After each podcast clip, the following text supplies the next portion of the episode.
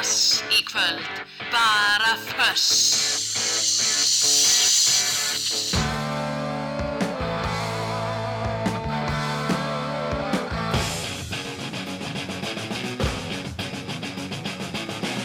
Þetta er föss. Það á að vera hátt.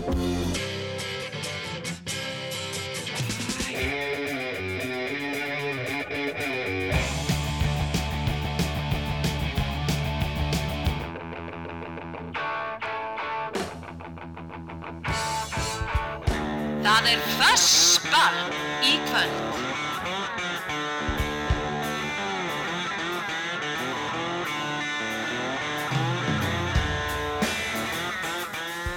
Já, komið sæl öll sömul. Það er föss sem að fer í gang hér á Rás 2, föstudags rockþátturinn okkar allra og það er Hulda Geistóttir sem situr við ljóðnumanna þessu sinni. Síðasta sinni í byli því að okkar einisanni og ástkæri Ólafur Páll snýr aftur til vinnu í næstu viku og við hefum þá væntalega vona að hann verði hér við ljóðnumann á föstudaginn að viku liðinni. En ég ætla semst að vera með ykkur hér í kvöld til klukkan 10 fram að fréttum klukkan 10 og það er svo sem bara eitt mál á dasgrá alltaf í þessum þætti. Það er að hlusta á rock og roll af öllum stærðum og gerðum.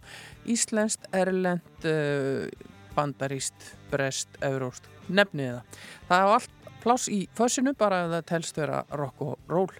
Og ef þið viljið senda mig línu ef ykkur langar að heyra eitthvað sérstakt eða bara vera í sambandi þá er hægt að nýta sér eh, Facebook síður rásar 2 til þess. Ég mun svona kíkja inn á skilabóðin þar annað slægið en um, ég ætla að vera með plötu þáttarins að þessu sinni, búin að velja hana. Þetta er plata sem kom út fyrir já, tæpum 40 árum síðan sko fyrir 40 árum í ártölum en hún kom út í lok september það ár uh, heitir Nebraska og er, uh, ef ég mann rétt er hún ekki sjötta plata stúdioplata Bruce Springsteen? En uh, svona að mörgum talin svo að svona áhrifa mesta jafnvel í hans katalóg. Og við ætlum aðeins að kynna okkur þessa blötu og heyra af henni 2-3 lög hér í þættinum og fara svolítið yfir eh, söguna á bakvið þessa blötu. En eins og alltaf þá byrjum við á íslensku lægi og við byrjum á henni frábæri hljómsveit Vintage Caravana þessu sinni. Og þetta er lag sem ég sæki á þeirra síðustu blötu og eh, platan heitir eh, Monument og uh, lægið heitir hins vegar Hell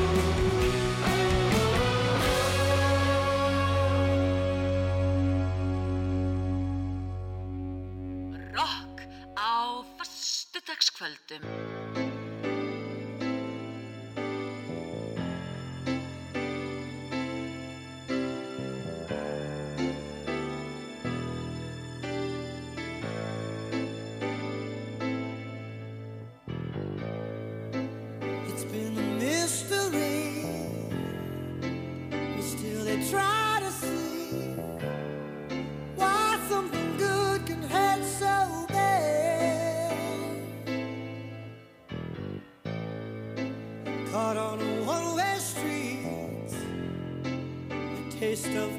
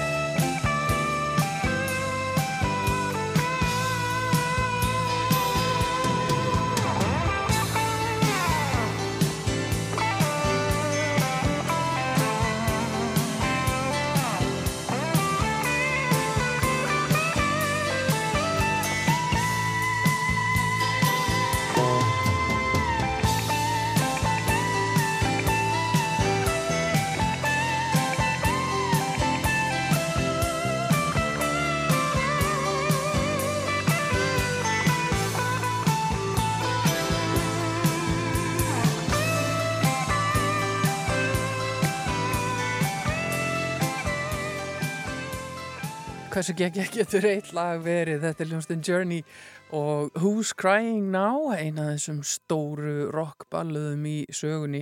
Þetta er auðvitað af uh, þessari frægu plötu Escape sem að koma út árið 1981 og þetta lag Who's Crying Now var uh, fyrsta smáskíðan eða svona singullin eins og þannig stundu kallað af þessari plötu kom þar uh, út og gerði hann bara nokkuð gott, þetta fór í fjóruðasæti á Billboard Hot 100 og, og fleiri listum og, og svona gerði það bara freka gott til dæmis í Breitlandi komst þar inn á top 50 listan og svona og var uh, hittari og kannski stóri hittarinn er að þanga til að Don't Stop Believin' kom sem að síðan einhvern veginn gekk í algjör að endur nýjum lífdaga í setni tíði gegnum, já, til dæmis glýðættina þó að það þekki nú kannski ekki mikið rokk að þá er nú gaman að sjá hvernig tónlist getur einhvern veginn svona já bara öðlast nýtt líf þegar uh, hún kemur fyrir og, og þetta erum við nú búin að sjá gott dæmum í, í, á þessu árið með Kate Bush og Running Up That Hill.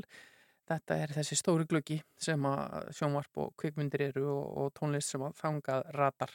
En þetta laga sem sagt uh, Who's Crying Now uh, frá árunnu 1981 samið af Jonathan Kane og Steve Perry alger perla Döðaskvöld. Mm, það rokkar jafn heitt og kaffi.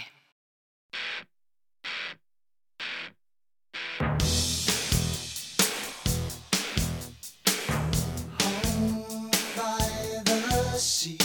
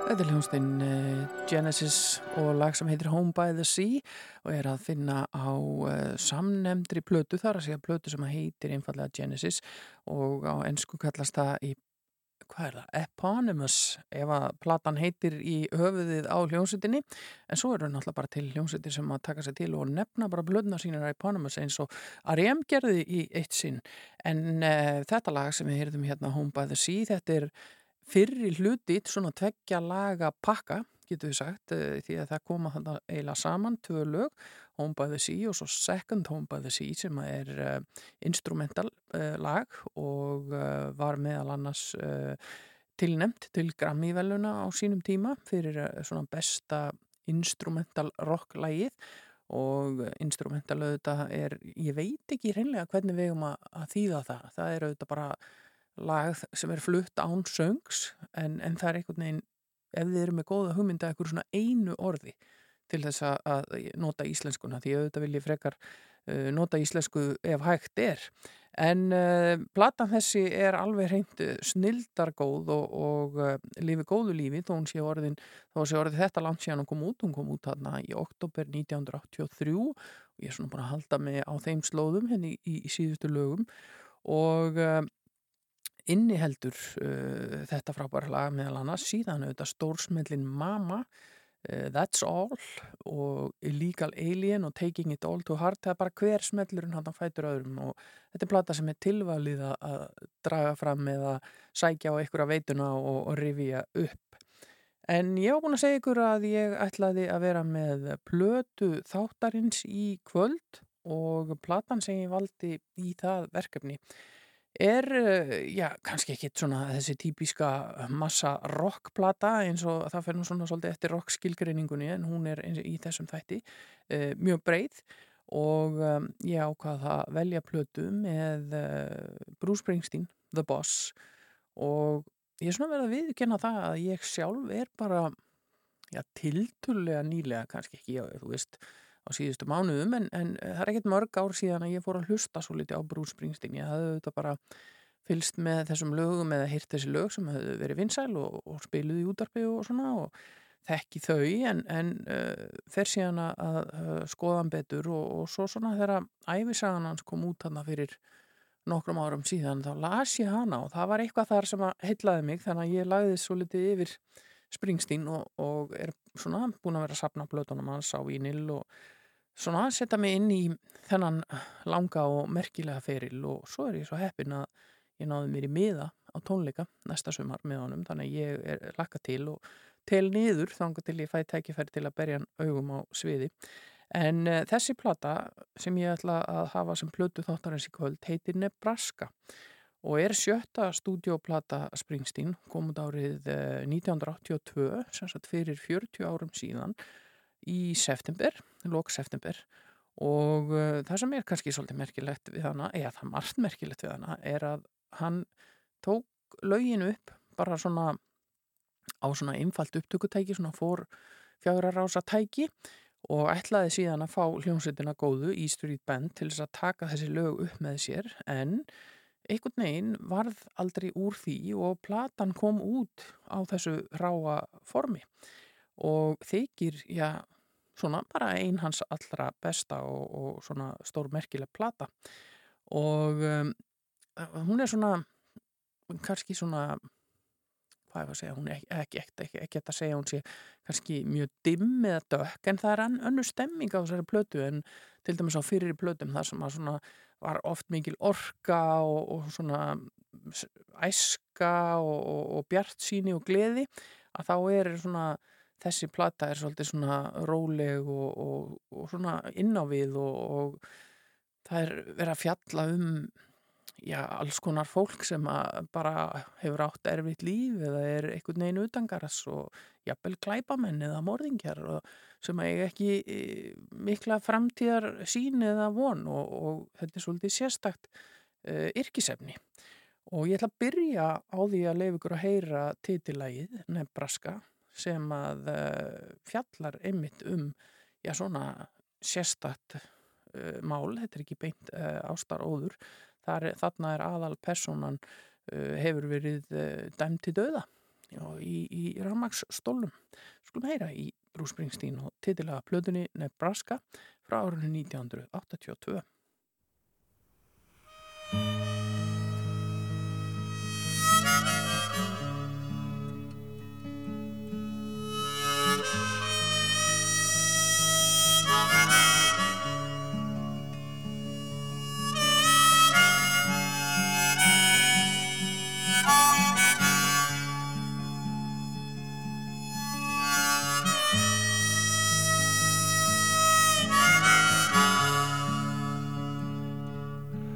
Saw her standing on her front lawn, just a twirling her baton. Me and her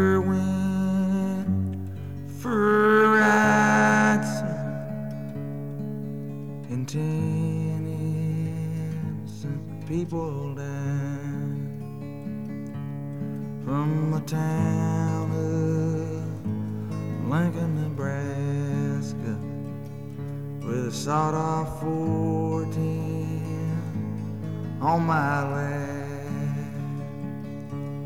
Through the badlands of Wyoming, I killed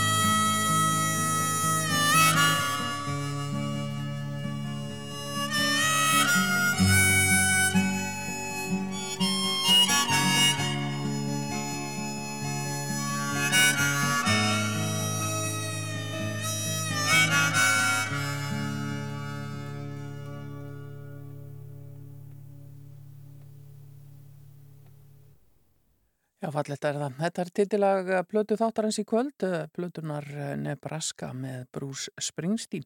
En hér næst ætlum við að bregða okkur á tónleika og við ætlum að fara aftur til ásins 2012 á heiðurs tónleika í Kennedy Center þar sem verið er að heiðra hljómsveitina Led Zeppelin og um, þetta er uh, gert uh, reglulega, það eru ímsi listamenn sem hafa fengið já, þessa heiðurs viðkenningu Kennedy Center og um, ég var að skoða þetta svona eitthvað undirbúa mig fyrir þáttinn og var búin að datt nýra á þessu upptöku sem ég ætla að spila og fannst þetta mjög flott. Svo ég fór að kíkja á YouTube og fann þessa tónleika þar eða þessa aðtöfn og þetta, var, þetta er meiri áttar, þið getur fundið þetta inn á YouTube og, og þið bara googli bara Kennedy Honors Led Zeppelin og, og þá fáuðu upp þetta, þetta sjó eða þessa, þessa dánleika og uh, þarna er Jack Black kynir og hann er náttúrulega skemmtilegur og svo er svona uh, smá uh, myndbandssýning um sveitina og, og svo stíga nokkri listamenn þarna á svið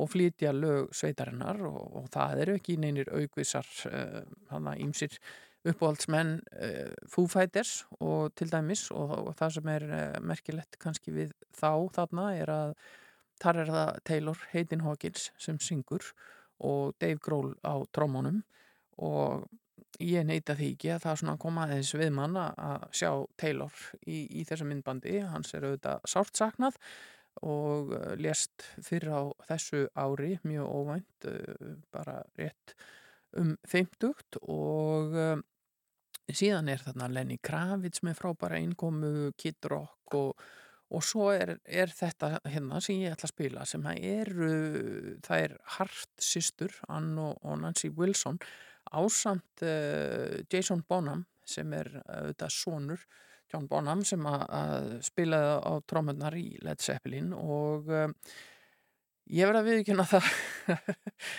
að sko það er magnað að horfa á, á þessa upptöku og maður sér þarna Robert Plant, hann hreinlega kemst við og ég gerir það líka, ég ætla bara að viðkjöna það. Það er alveg rokk í því að vera tilfinningarsamur og ég ætla bara að leiða ykkur að heyra þetta og hvet ykkur svo til að finna þetta á YouTube þannig að þið getið að horta á þetta líka og, og farið í gegnum þessi lög sem þarna eru flutt. En uh, við skulum bara skella okkur aftur til ásins 2012 og inn í Kennedy Center og fylgjast með. Ladies and gentlemen, the son of John Bonham, Jason Bonham. Ladies and gentlemen, from Heart Anne and Nancy Wilson.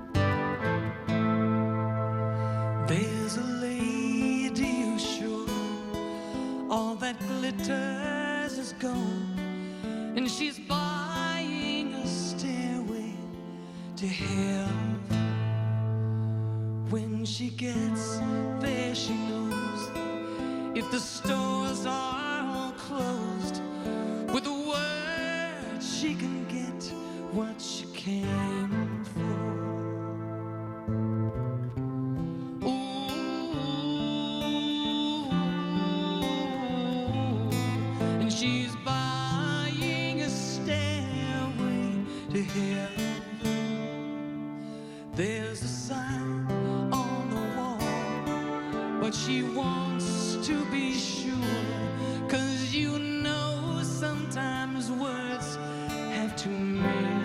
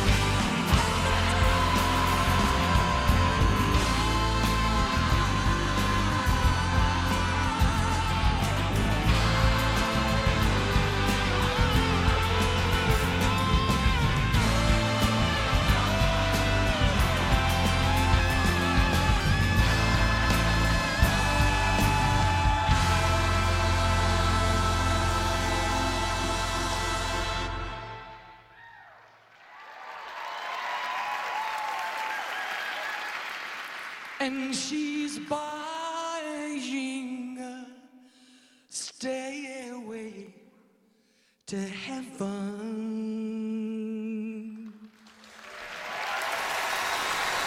Hú. Já, þetta er ekki gæsa húð fyrir allan peningin og veit ég ekki hvað. Þetta er algjörlega meiri hóttar flutundur hérna hjá þeim hartsystrum á auðvitað þessu þektalagi Stairway to Heaven Live. Uh, Kennedy Honors uh, árið 2012 ég hveit ykkur eindreið til þess að finna þetta á YouTube og horfa á eða hafi ekki séð þetta. Og þó þið hafi séð þetta þá er þetta að horfa á þetta hundra sinum ég er eiginlega bara ennþá með kökki hálsunum þetta er svo flott. En uh, vöðum úr þessu þessari heiðurs þessum heiðursflutningi fyrir Led Zeppelin yfir í Led Zeppelin sjálfa. Og lag sem heitir Ramble On.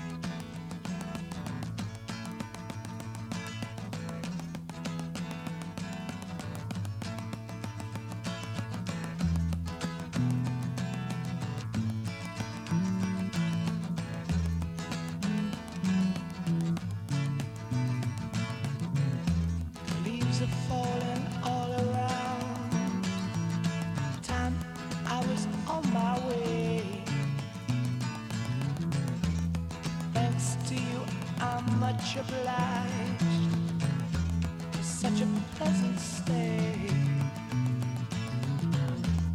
But now it's time for me to go.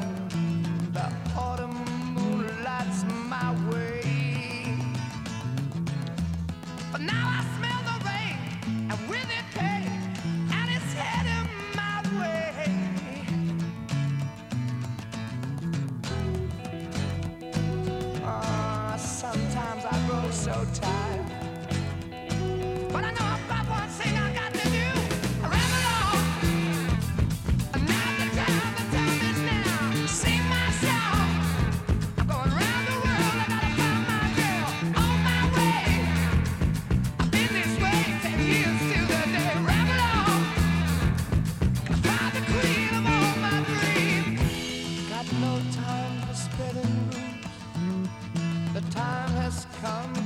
gone.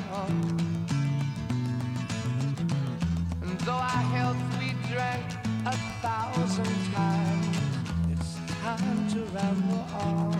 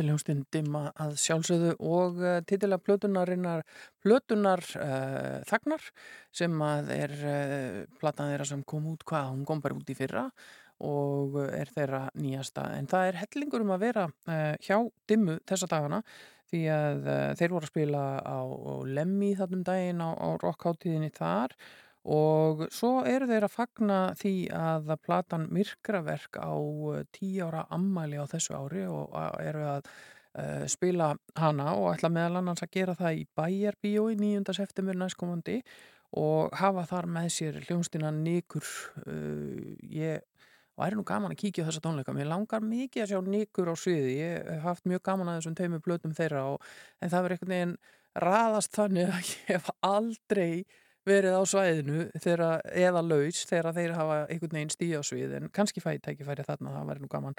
Dimma er líka einn þeirra sveita sem koma fram á uh, þessum stóru og uh, já, umtöluðu rocktónleikum í Kaplakrika sem gangundi nafninu Rock í Reykjavík og verða líka í september og um, það er nú búið að bæta tölvert við uh, hópin og hljómsveitir eins og Viki og, og Sigga Guðna og, og, og, og fleiri er að, að bætast þannig í hóp þeirra sem fyrir voru og uh, verður spennandi að, að sjá þá miklu hátíð líka.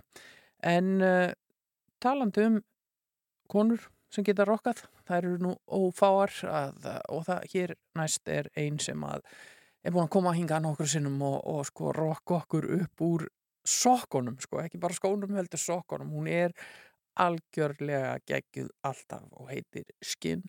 Hún er stendur fremst í flokki hljónstinni Skangan Ansi og hér syngur hún um já, hvern hetjuna sína. She's my heroine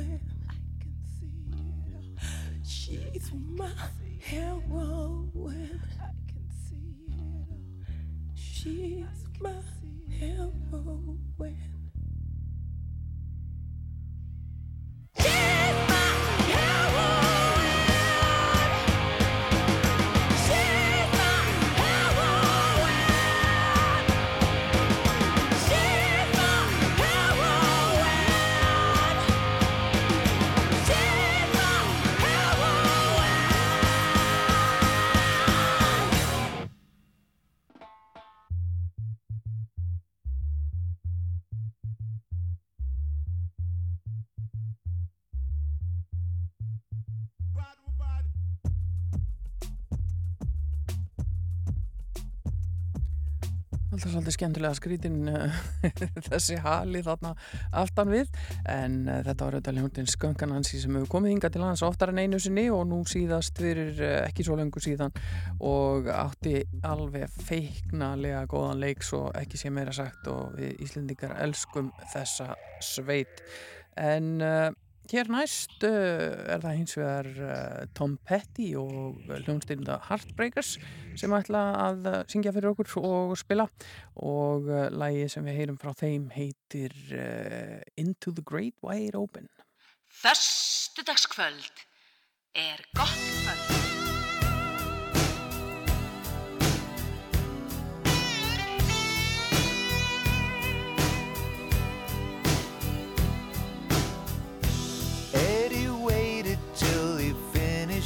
School. He went to Hollywood, got a tattoo. He met a girl out there with a tattoo too. The future was wide open.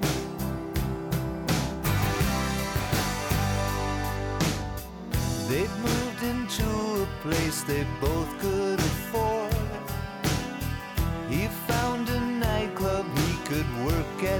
Door. She had a guitar and she taught him some chords. The sky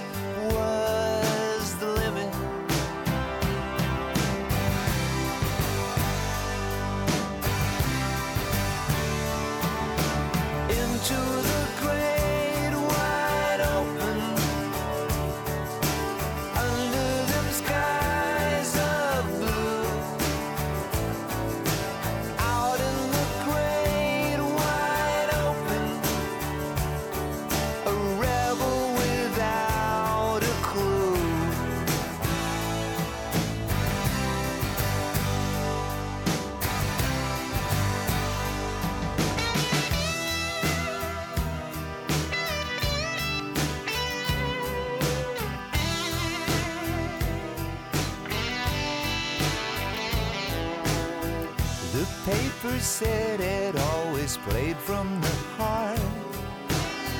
He got an agent and a roadie named Bart. They made a record and it went in the charts. The sky was the limit.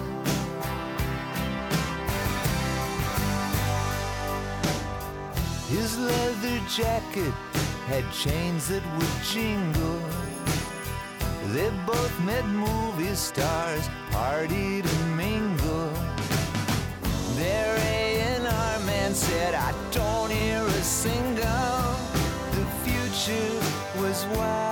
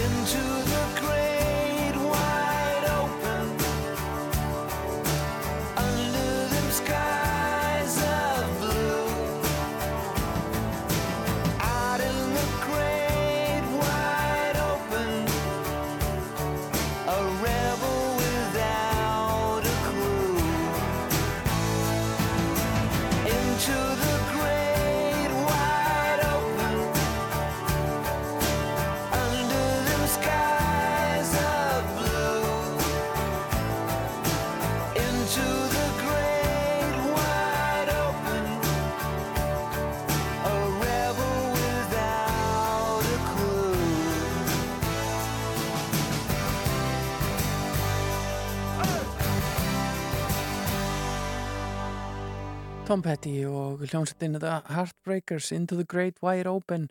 Þetta er svona ameríst uh, hjartarokk kalla ég þetta. Þetta er svona alveg einhvern veginn inn í, inn í svona þetta ameríska uh, amerikana uh, svona rock. Fíla þetta, mér finnst Tom Petty alveg dásanlegur og, og synda hann skildi hvaði okkur líka allt á snemma eins og því miður margir fleiri úr þessum geira. En uh, Það er nú þannig með mig eins og marga aðra, sérstaklega kannski þegar sumari lætur ekki sjá sig að þá er maður stundum að kíkja á Netflix og skoða hvað er í bóðið þar og, og, og horfa á, á alls konar uh, efni. Og það stutt síðan að kom þarna inn uh, ný þryggja þáttaröð uh, undir heitinu Trainwreck Woodstock 99 og það er verið að fjalla um sem sagt háttíð sem haldin var í New York fylgi, ríki árið 1999 og það átti svona einhvern veginn að reyna að endurvekja Woodstock stemminguna frá 1969 en uh, tókst engan veginn og uh, þessir stórmerkilegu þættir fari gegnum það hvað fór þarna úrskeiðis og það var ekki eitt og það var ekki tvent og það var meirinn hundrað atriði sem fóru algjörlega á kvolf og eiginlega bara mikil mildi að, að skildi ekki bara, þetta skildi ekki fara enn verra en það gerði. Ég ætla nú ekki að segja of mikið, eh, sjálfsagt eru mörg ykkar sem hafa gaman af tónlist og, og fylgis með tónlist og, og tónleika haldi búin að kíkja á þetta, það er ekkert langt síðan þetta komin á Netflix en þetta er alveg stórmerkilegt og þarna voru 250.000 manns saman komin á þessari tónleikaháttíð og, og stemmingin átti að vera, það átti að reyna að búa til já, þessa uh, stemmingu frá 1969, svona hippa stemmingu þar sem allir væri vinir og, og ástinn uh, væri í loftinu en það tókst ekki alveg.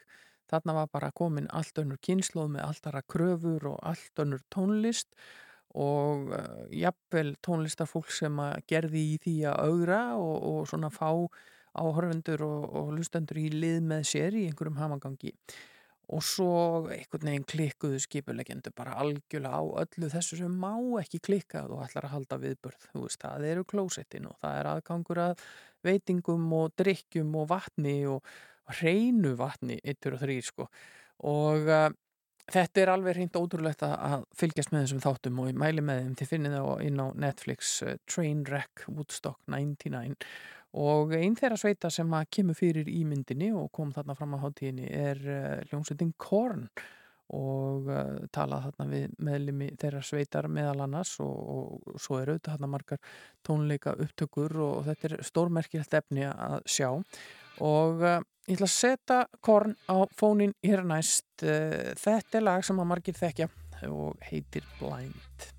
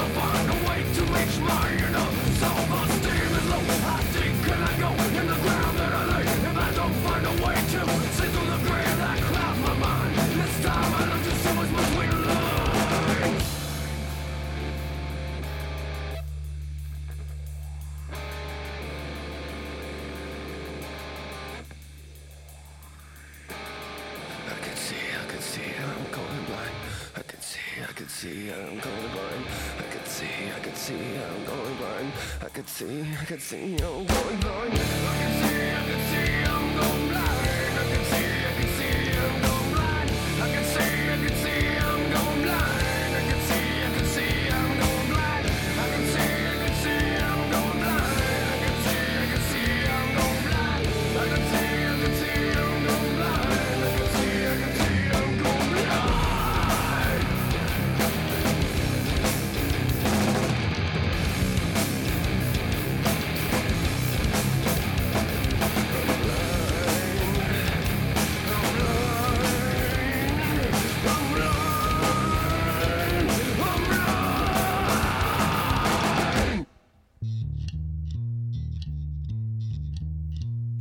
Veitikorn og eh, lag sem heitir Blind, einn þeirra sveita sem koma fram í uh, þessum mögnuðu þáttum um Woodstock 99 hátíðina sem þið finnið inn á Netflix.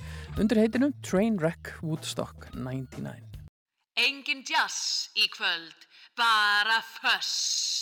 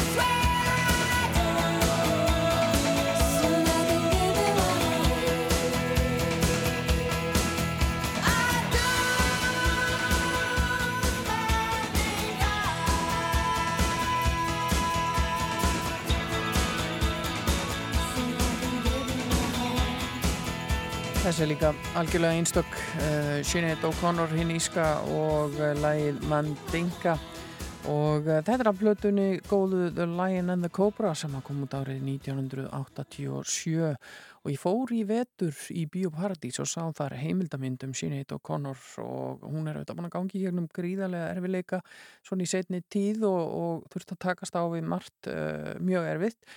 Og þessi mynd er ekkert minna en stórkostleg og mögnuð og, og rifjar upp fyrir okkur í raun og örug bara svona ber fram allt það sem hún gekk í gegnum þegar hún kom fram og, og sýnir í nútímanum sem við lifum í í dag uh, hversu mikill brautriðandi hún var í, já í, í mannréttindabaráttu og í, kvenréttindabaráttu og, og þessari brotætta stúlka sem alinu er upp í, í írska katholismannum að hún, hún brýst út úr þessu öllu saman en, en líður fyrir það og er nánast bara tekin af lífi af, af umheiminum.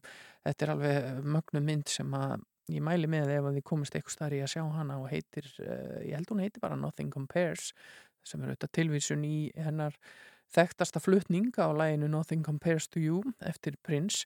Uh, það lag er ekki í myndinni, það fjast ekki leifi til þess að nota það í myndinni sem er nú svolítið sérstakt vegna þess að það var hún sem að gerði þetta lag svo frægt og skapaði allar þessar tekjur fyrir eh, prins og, og núna þá hans, hans dánar bú.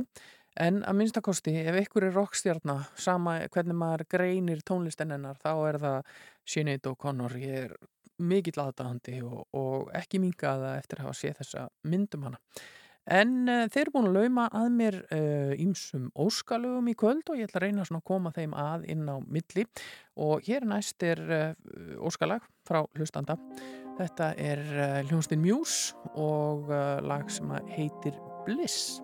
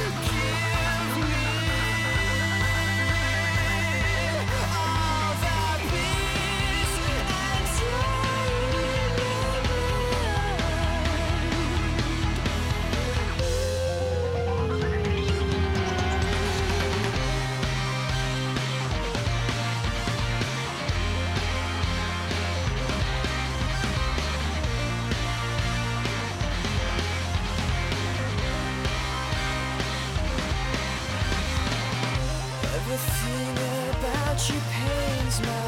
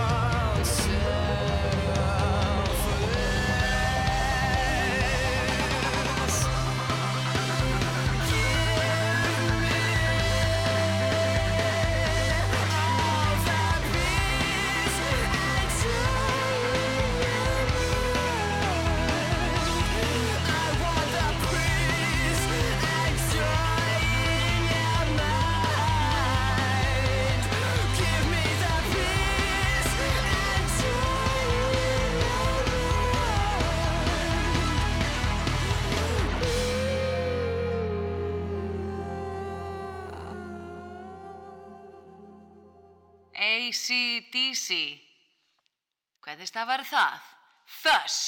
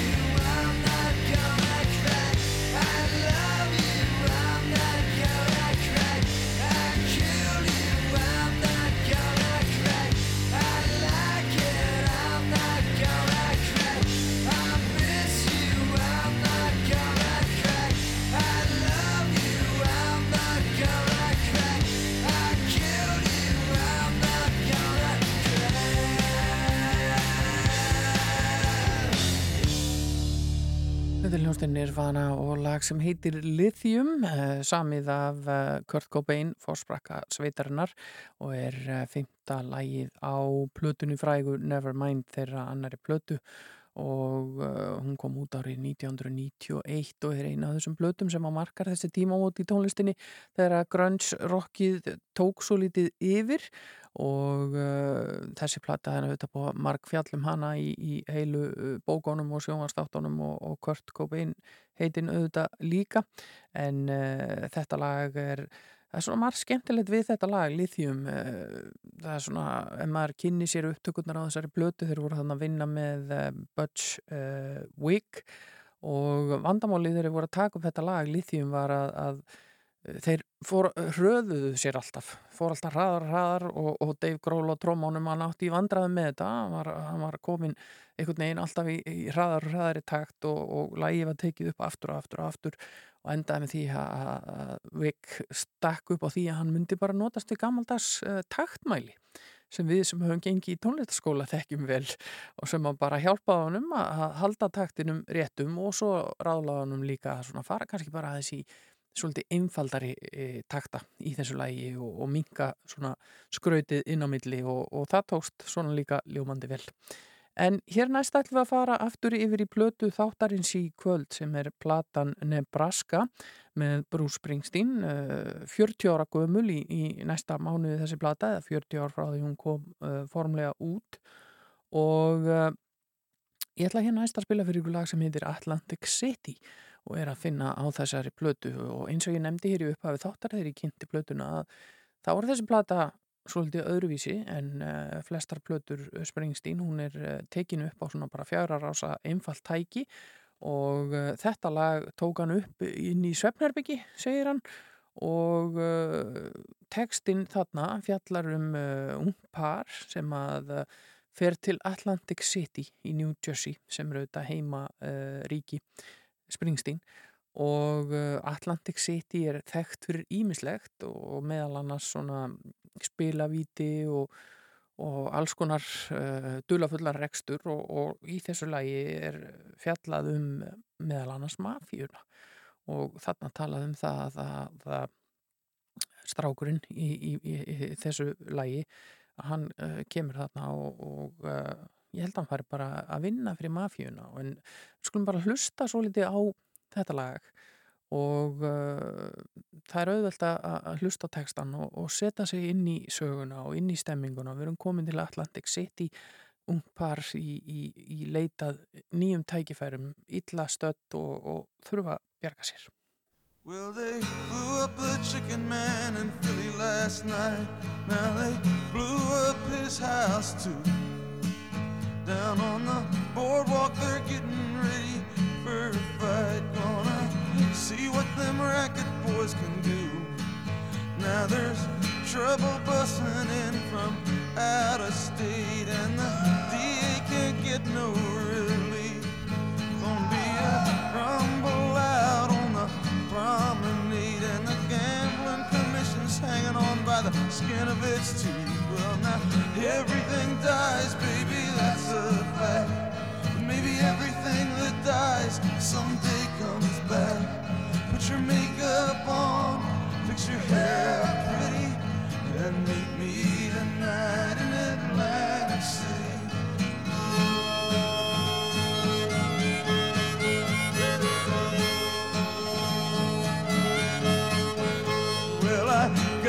job and tried to put my money away, but I got debts that no honest man can pay. So I drew what I had from the Central Trust and I bought us two tickets on that Close City bus. Now, baby, everything dies, honey, that's a fact.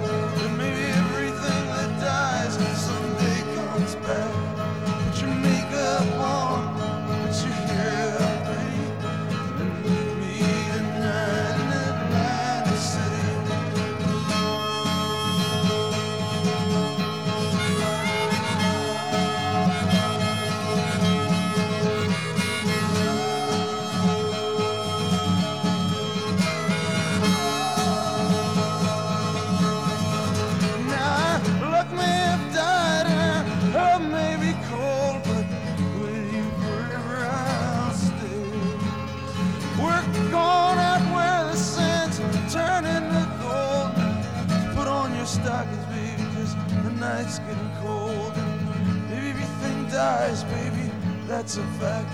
But maybe everything that dies someday comes back.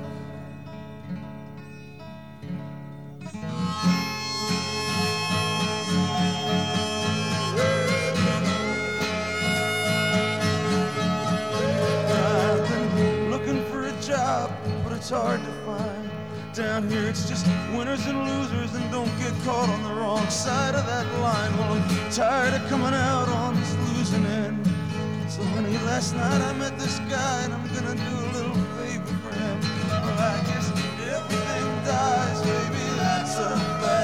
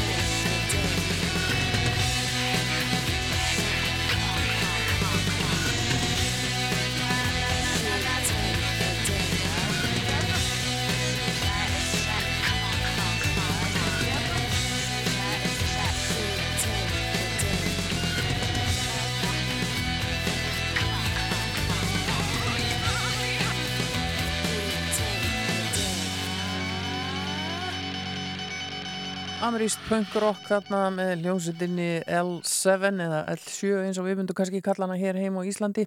Pretend We're Dead Eh, þær stopnuðu sveitina árið 1985 í Los Angeles í Kaliforníu og hún var eh, starfandi alveg til ársins 2001 og tók svo upp þráðina nýju árið 2014 og ég veit ekki betur en að L7 sé enn að og uh, þær eru verulega flottar, flottar uh, rockstjörnur þarna.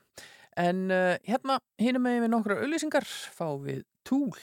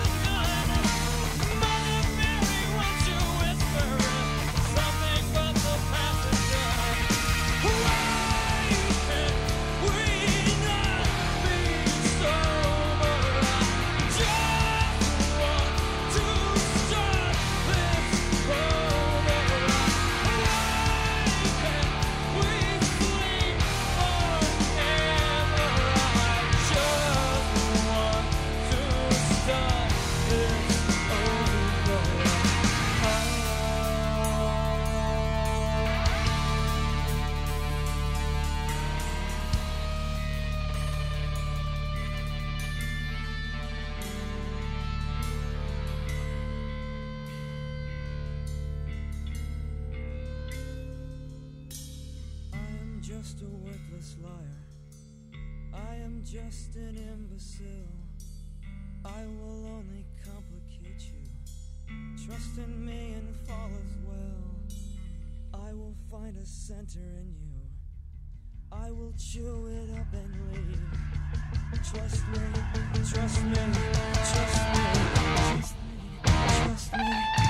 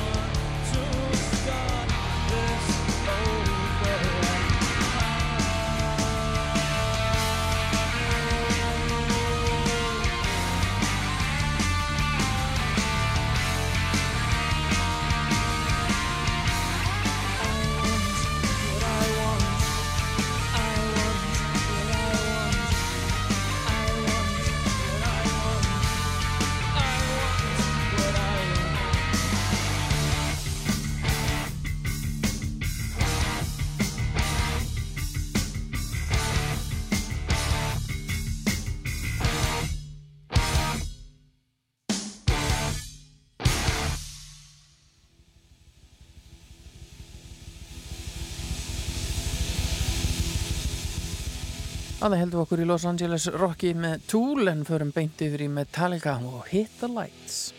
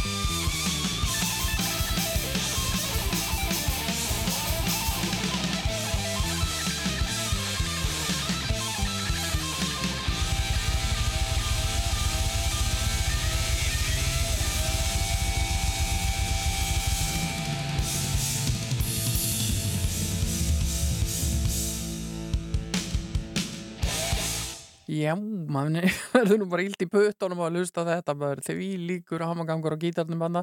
Það var auðvitað hljónstinn Metallica og Hit the Lights, eitt af uh, fjölmörgum óskalugum hér í Fuss. Ég heiti Hulda Geistóttir og stýri þettinum í kvöld verð hérna með ykkur í tæpan klukkutími viðbútt til klukkan tíu. Þeir eru fáum fréttir hér á Rás 2 og svo að loknum tíu fréttum þá er það hann Kalli sem tekur við með uh, þáttinn sinn sem að heitir, uh, heitir hann ekki 5110 Hann er uh, nefndur í höfuð á Nokia símanum uh, fræga sem er svona enginandi kannski fyrir tímabilið sem að Kalli sækir sína tónlist í. Við, ég og þú, erum þöss. Jú, við erum svo sannlega föss og erum hérna saman og ég ætla að fara hér svo litið í, klassíkina næst og ég ætla að spila eina af mínum uppáhaldsjónstum eins og því mörg vitið. Ég ætla að spila þetta lag með ljónsettinni Kiss og um, ég fór að sjá Kiss núna bara í, í, í síðasta mánuði var svo heppin að sjá það á tónleikum á ammælistægin minn 21. júli í Amsterdam og ég er nú búin að sjá það á nokkru sinnum og ég var hérna í góðum félagskap margir íslendingar sem fóru á þessa tónleika og margir sem eru búin að vera að sjá gömlu kallana á þessum loka túr þeirra, End of the Road túr sem er í gangi og nema eitthvað breytist, þeir hafa nú verið þekkti fyrir það að hætta við að hætta við að hætta en nema eitthvað breytist þá voru þetta síðustu tónleikar kiss í Evrópu sem við vorum þarna vitni að. Og það verður að segjast að gömlu kallarnir eins og við köllum þá í vina hóknum stóðu fyllilega fyrir sínu og voru í alveg fanta formi og er að, að, að búin að vera að spila út um allt og, og bara náttúrulega með algjörlega sturlað sjó, það er, eru náttúrulega alls konar skjáir og flugeldar og eldur og blóð og ljósasjó og leyserar og blöðrur og konfetti og nefnið það bara sko, það er þarna og fyrir hvert sem er, er gaman að fara á kistónleika, hvort sem þú ert að, hérna, heitur aðdáandi eða langar bara að upplifa óbúslega skemmtilega tónleika. En ég ætla að spila fyrir ykkur lag eh, sem að heitir I Stole Your Love og eh, við sækjum allarleið aftur til ásins 1977 og þetta er sem sagt upphafslag plötunar Love Gun og er algjör snild, skulum rúli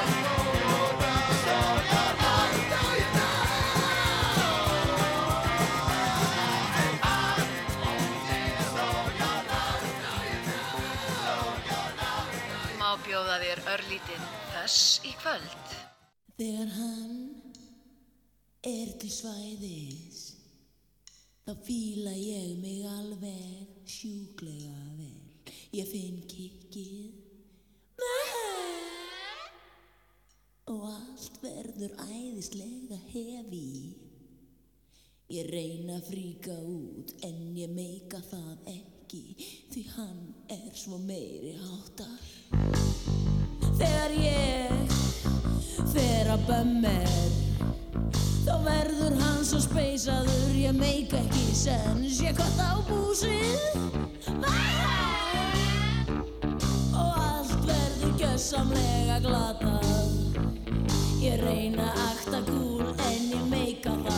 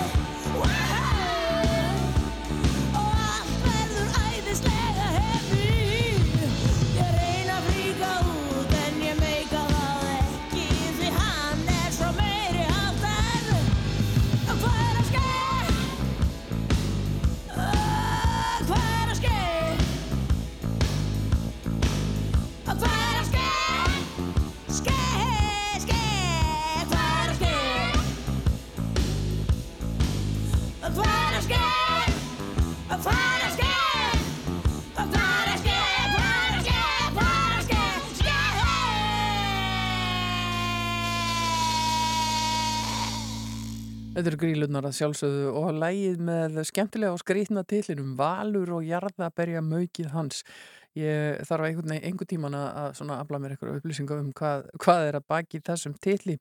En uh, rétt að minna á það, fyrst við erum að hlusta hér á Röggu Gísla að uh, hún kemur fram á Rokki Reykjavík uh, stór tónleikunum sem haldin verða í Kaplakrika í september og svo er hún líka með uh, sína fyrstu svona sóló tónleika, stór tónleika í Eldborgi Hörpu í oktober og miðasalinn á þá er hafin eins og hína tónleikana líka.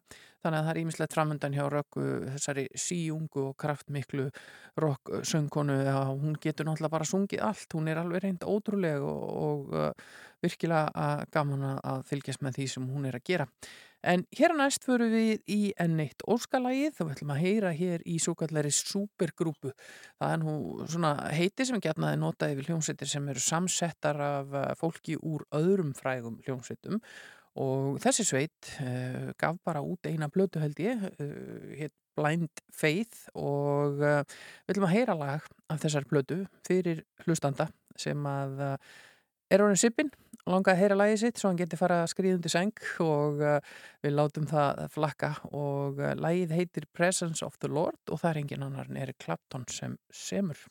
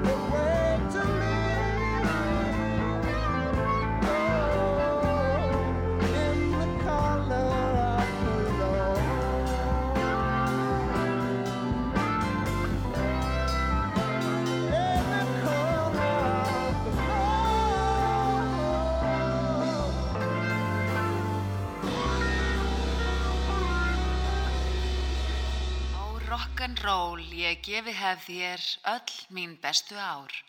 Föss og svei.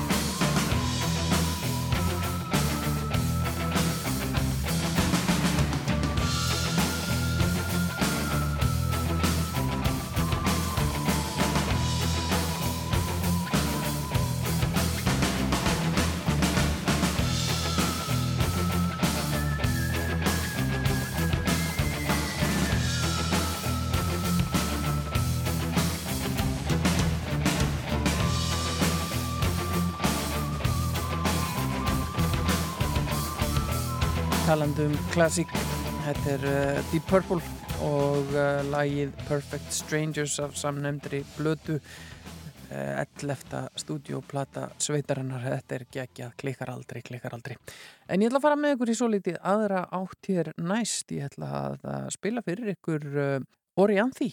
Uh, hún er fætt í Ástralíu, gítarleikari, söngkona og tónsmiður og uh, hefur vakið aðtegli, já ekki síst fyrir hæfileika sína á gítarnum og hún hefur verið að spila með já, ímsum og, og meðal annars uh, hljómsitt Alice Cooper, það er að segja bandinu sem er að, að túra með honum og gert það ansi vel og uh, ég þekkti nú ekki mikið til orðiðan því fyrir en að uh, ég fór að, vinna við að setja saman þættina Gítargrams sem á voru í bóði hér í vor á Rástöð og ég get glatt hlustendur með því að það er vona á nýri þáttaröð af Gítargramsi í september komandi þar sem þráin átni Baldvinsson allar að kynna okkur fyrir alls konar áhugaverðum uh, gítarleik og gítarleikurum. Og uh, það var einmitt orðan því sem að var einn þeirra sem að við fengum að kynnast í síðustu þáttaröð hjá honum.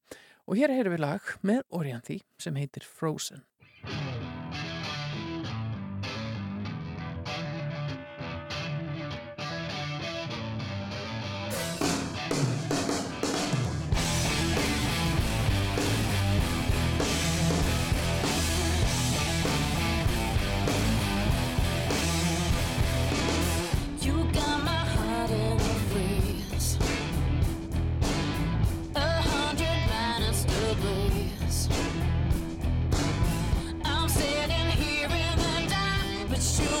looking for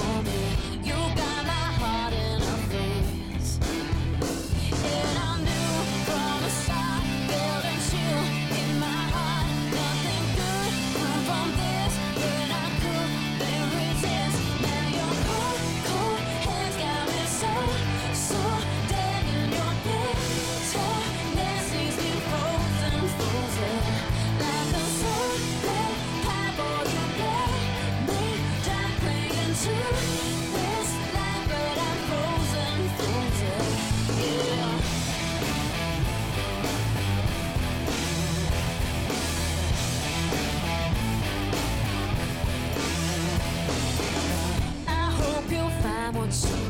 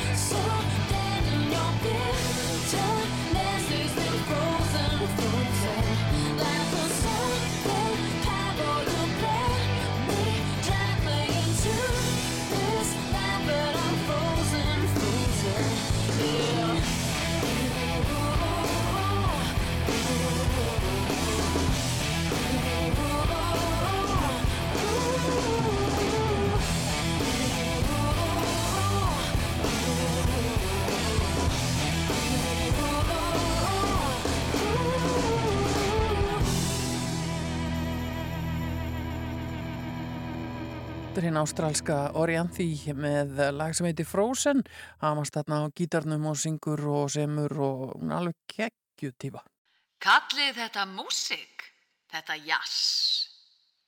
Föss.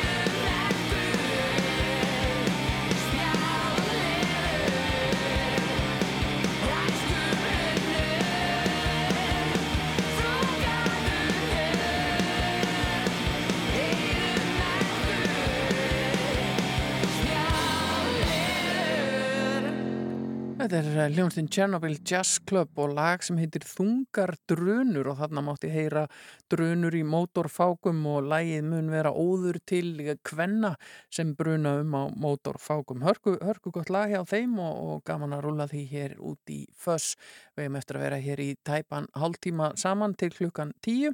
Þá koma fréttir í loftið hér á Rás 2 en uh, Ég ætla að spila hérna næst hljómsveit sem að uh, er í miklu uppáldi hjá mér en, en sveik mig yllilega um daginn. Ég sagði okkur frá því áðan að ég hefði farið að sjá Kiss í Amsterdam en tilgangurum var líka að sjá Pearl Jam í sömu ferð sem átti að stíka á svið þarna tveimur, þreimur dögum setna og uh, það fóð nú þannig með Eddie Vedder blessaðan að hann misti röddina eftir tónleika í París, úti tónleika þar sem að mikil mengun af völdum skóarelda eh, var til þess að hann bara hreinlega misti algjörlega röddina og þetta er í annað skipti á ferlinum sem þetta kemur fyrir hann. Og viti menn, í bæði skiptin hef ég verið á leiðinni á tónleika hversu óheppin er hægt að vera. En í fyrra skipti voru þeir eh, settir á aftur setna og ég fekk þá tækifæri til að fara og sjá þá en það kostaði mig auðvitað hellingspening að fara aðra ferð. En í þetta skipti var það bara alls ekkert í bóði og þeir eh, flautuð af þrenna tónleika í Vínarborg í Östuríki, Prag í Tjekklandi og svo fyrri tónleikana í Amsterdam í Hollandi. Og það var kannski það sem var mest svekkjandi að fá tilkynningu nokkrum klukkutímum fyrir gig, bara búin að græða sig á leiðinni bara út til þess að fara á tónleikastæðin þegar það komið skilabóð um að tónleikarnir væru blásnir af. Og uh, nokkrum klukkutímum síðar getur við sagt uh, að vita svo af því að tónleikarnir sem voru kvöldið eftir færu fram. En þá var ég nú bara í leiðinni heim og ekki tætt að vinda sér í að vera með þar. En uh, það var ekkit inn í myndinni að endur uh, skipulegja þessa tónleika sem að fjallu niður og, og fólki var hreinlega bara endugreitt sjálfkrafa og uh, sittur aðdándur sitja bara uppi með það að missa af þeim í þetta skipti. En vonandi fær maður nú tækifæri til að, að sjá þá kappa aftur. En uh, þetta voru auðvitað tónleikar sem var búið að fresta marg oft uh, áttu að vera þetta áttu að vera tónleikaferð til að fylgja eftir þeirra síðustu plötu. En svo kom auðvitað COVID og þetta var endur, endur skipulagt aftur og aftur og, og svo var þetta loksins komið á núna og þá fór þetta nú svona en þeir náðu svo sem að spila marga tónleika áður en að þessu kom og fullt af fólki sem að naut þess að sjá Pöldjam og svo munu þeir vera að spila í Norður Ameríku í september þannig að það er verða fleiri sem að fá að sjá. En við viljum að heyra lag af uh, þessari plötu, þeirra síðustu plötu Gigaton og um, þetta heitir Dance of the Clairvoyants eða Dans uh, Norðurljósana væntalega en uh, svolítið Talking Heads í þessu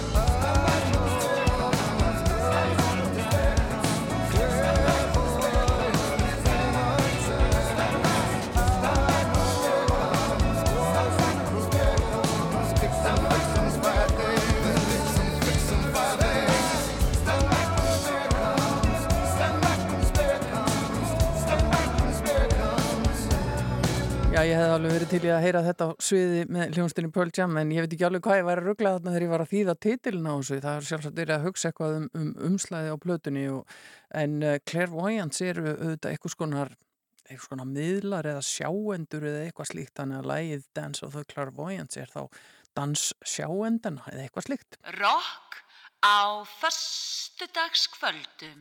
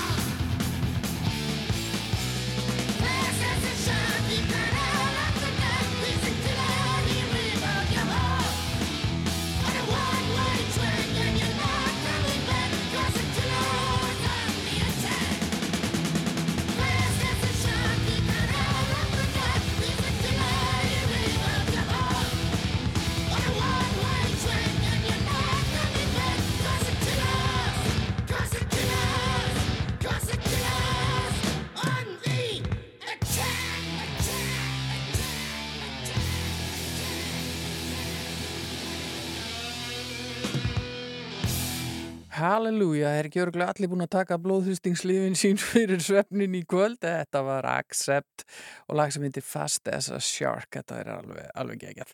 En um, að því að tímin er nú að, fljúa frá okkur þá ætla ég að ná að spila hér þriðja og síðasta lagi sem ég ætla að leifa ykkur að heyra af plötu þáttarins í kvöld sem að er platan Nebraska með eh, Bruce Springsteen og frá árinu 1982 þannig að hún er að ferða hvað 40 ára núna í næsta mánuði og uh, þriðja lagi sem ég valdi heitir Highway Patrolman og það reyndar hittist þannig á að öll þessi þrjú lög sem ég valdi af plötunni eru á uh, fyrri hliðinni, þetta er náttúrulega plata sem kemur uppálega út á vínil og það er á B hlið. Og uh, þetta lag Highway Patrolman segir hérna sögu tvekja bræðra og þetta er svona dramatísk saga eins og, og aðrir textar á þessari plötu en það er líka kannski svolítið forundilegt að segja frá því að Sean Penn, kvikmynda leikarin og leikstjórin frægi uh, skrifaði handrit að kvikmyndinni The Indian Runner upp úr sögunni sem er að finna í þessu lægi. Þetta var hans fyrsta leikstjórnarverkefni árið 1991 og hann uh, leikstyrði líka tónlistamindbandi við þetta lag sem að, að hægt er að, að finna og Johnny Cash hefur uh, leikið sér með þetta lag og, og gefið það út og uh, það er svona ímislegt um þetta lag að segja en ég ætla að nota tíman í að spila það og lefa ykkur að heyra Highway Patrolman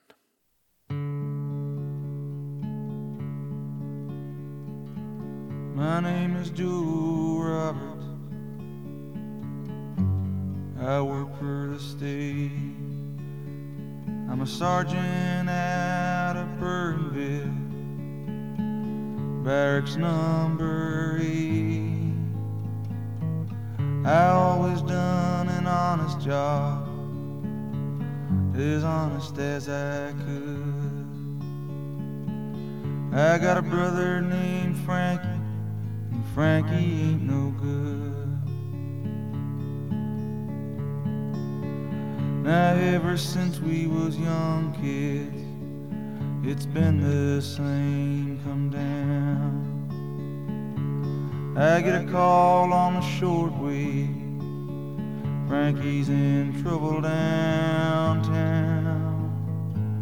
Well, if it was any other man, I'd put him straight away.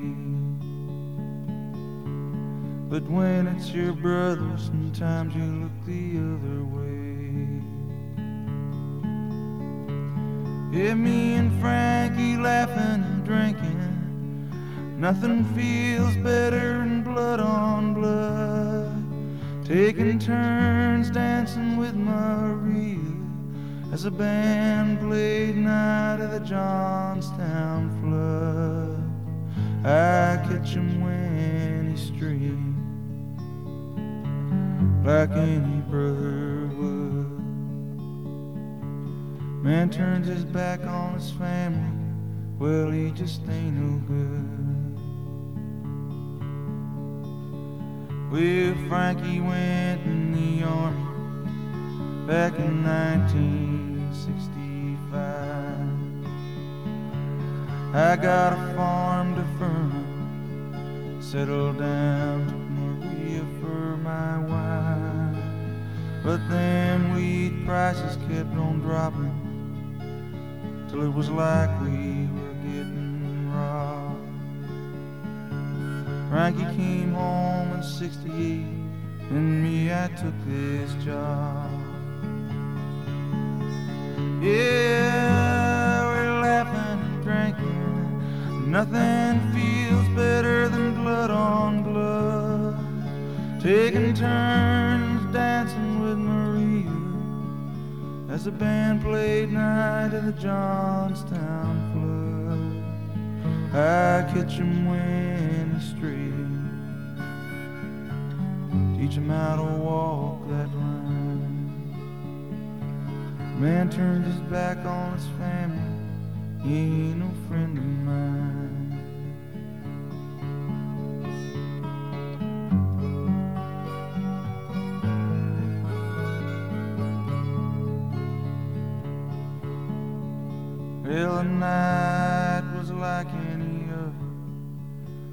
Got a call about quarter to nine. There was trouble in a root roadhouse out on the Michigan line. There was a kid lying on the floor looking bad, bleeding hard from his head. There was a girl crying at a table, and it was Frankie said. Well, I went out and I jumped in my car and I hit the lights. Well, I must have done a hundred and ten through Michigan County that night. It was out at the crossroads down round Willow Bank. Seen a Buick behind the wheel was framed. Well, I chased him through them county roads till a sign said Canadian border five miles from here. I pulled over to the side of the highway and watched his tail lights disappear. Me and Frankie laughing and drinking. Nothing feels better than blood on blood. Taking turns dancing with Marie as the band plays Night of the Johnstown Flood. I catch him when he's straying like any brother would. Man turns his back on his family, but he just ain't no good. Já, rock'n'roll þarf ekki alltaf að vera hátt og hratt. Þetta er eh, Bruce Springsteen og Highway Patrolman, þriðja og síðasta lagi sem við heyrum af plötunni Nebraska sem er plata þáttarins í kvöld. Það er fössball í kvöld. En hér eru það Manic Street Preachers, þetta er síðasta óskalagi sem ég næja að koma að í kvöld, það heitir eh, Sleep Flower.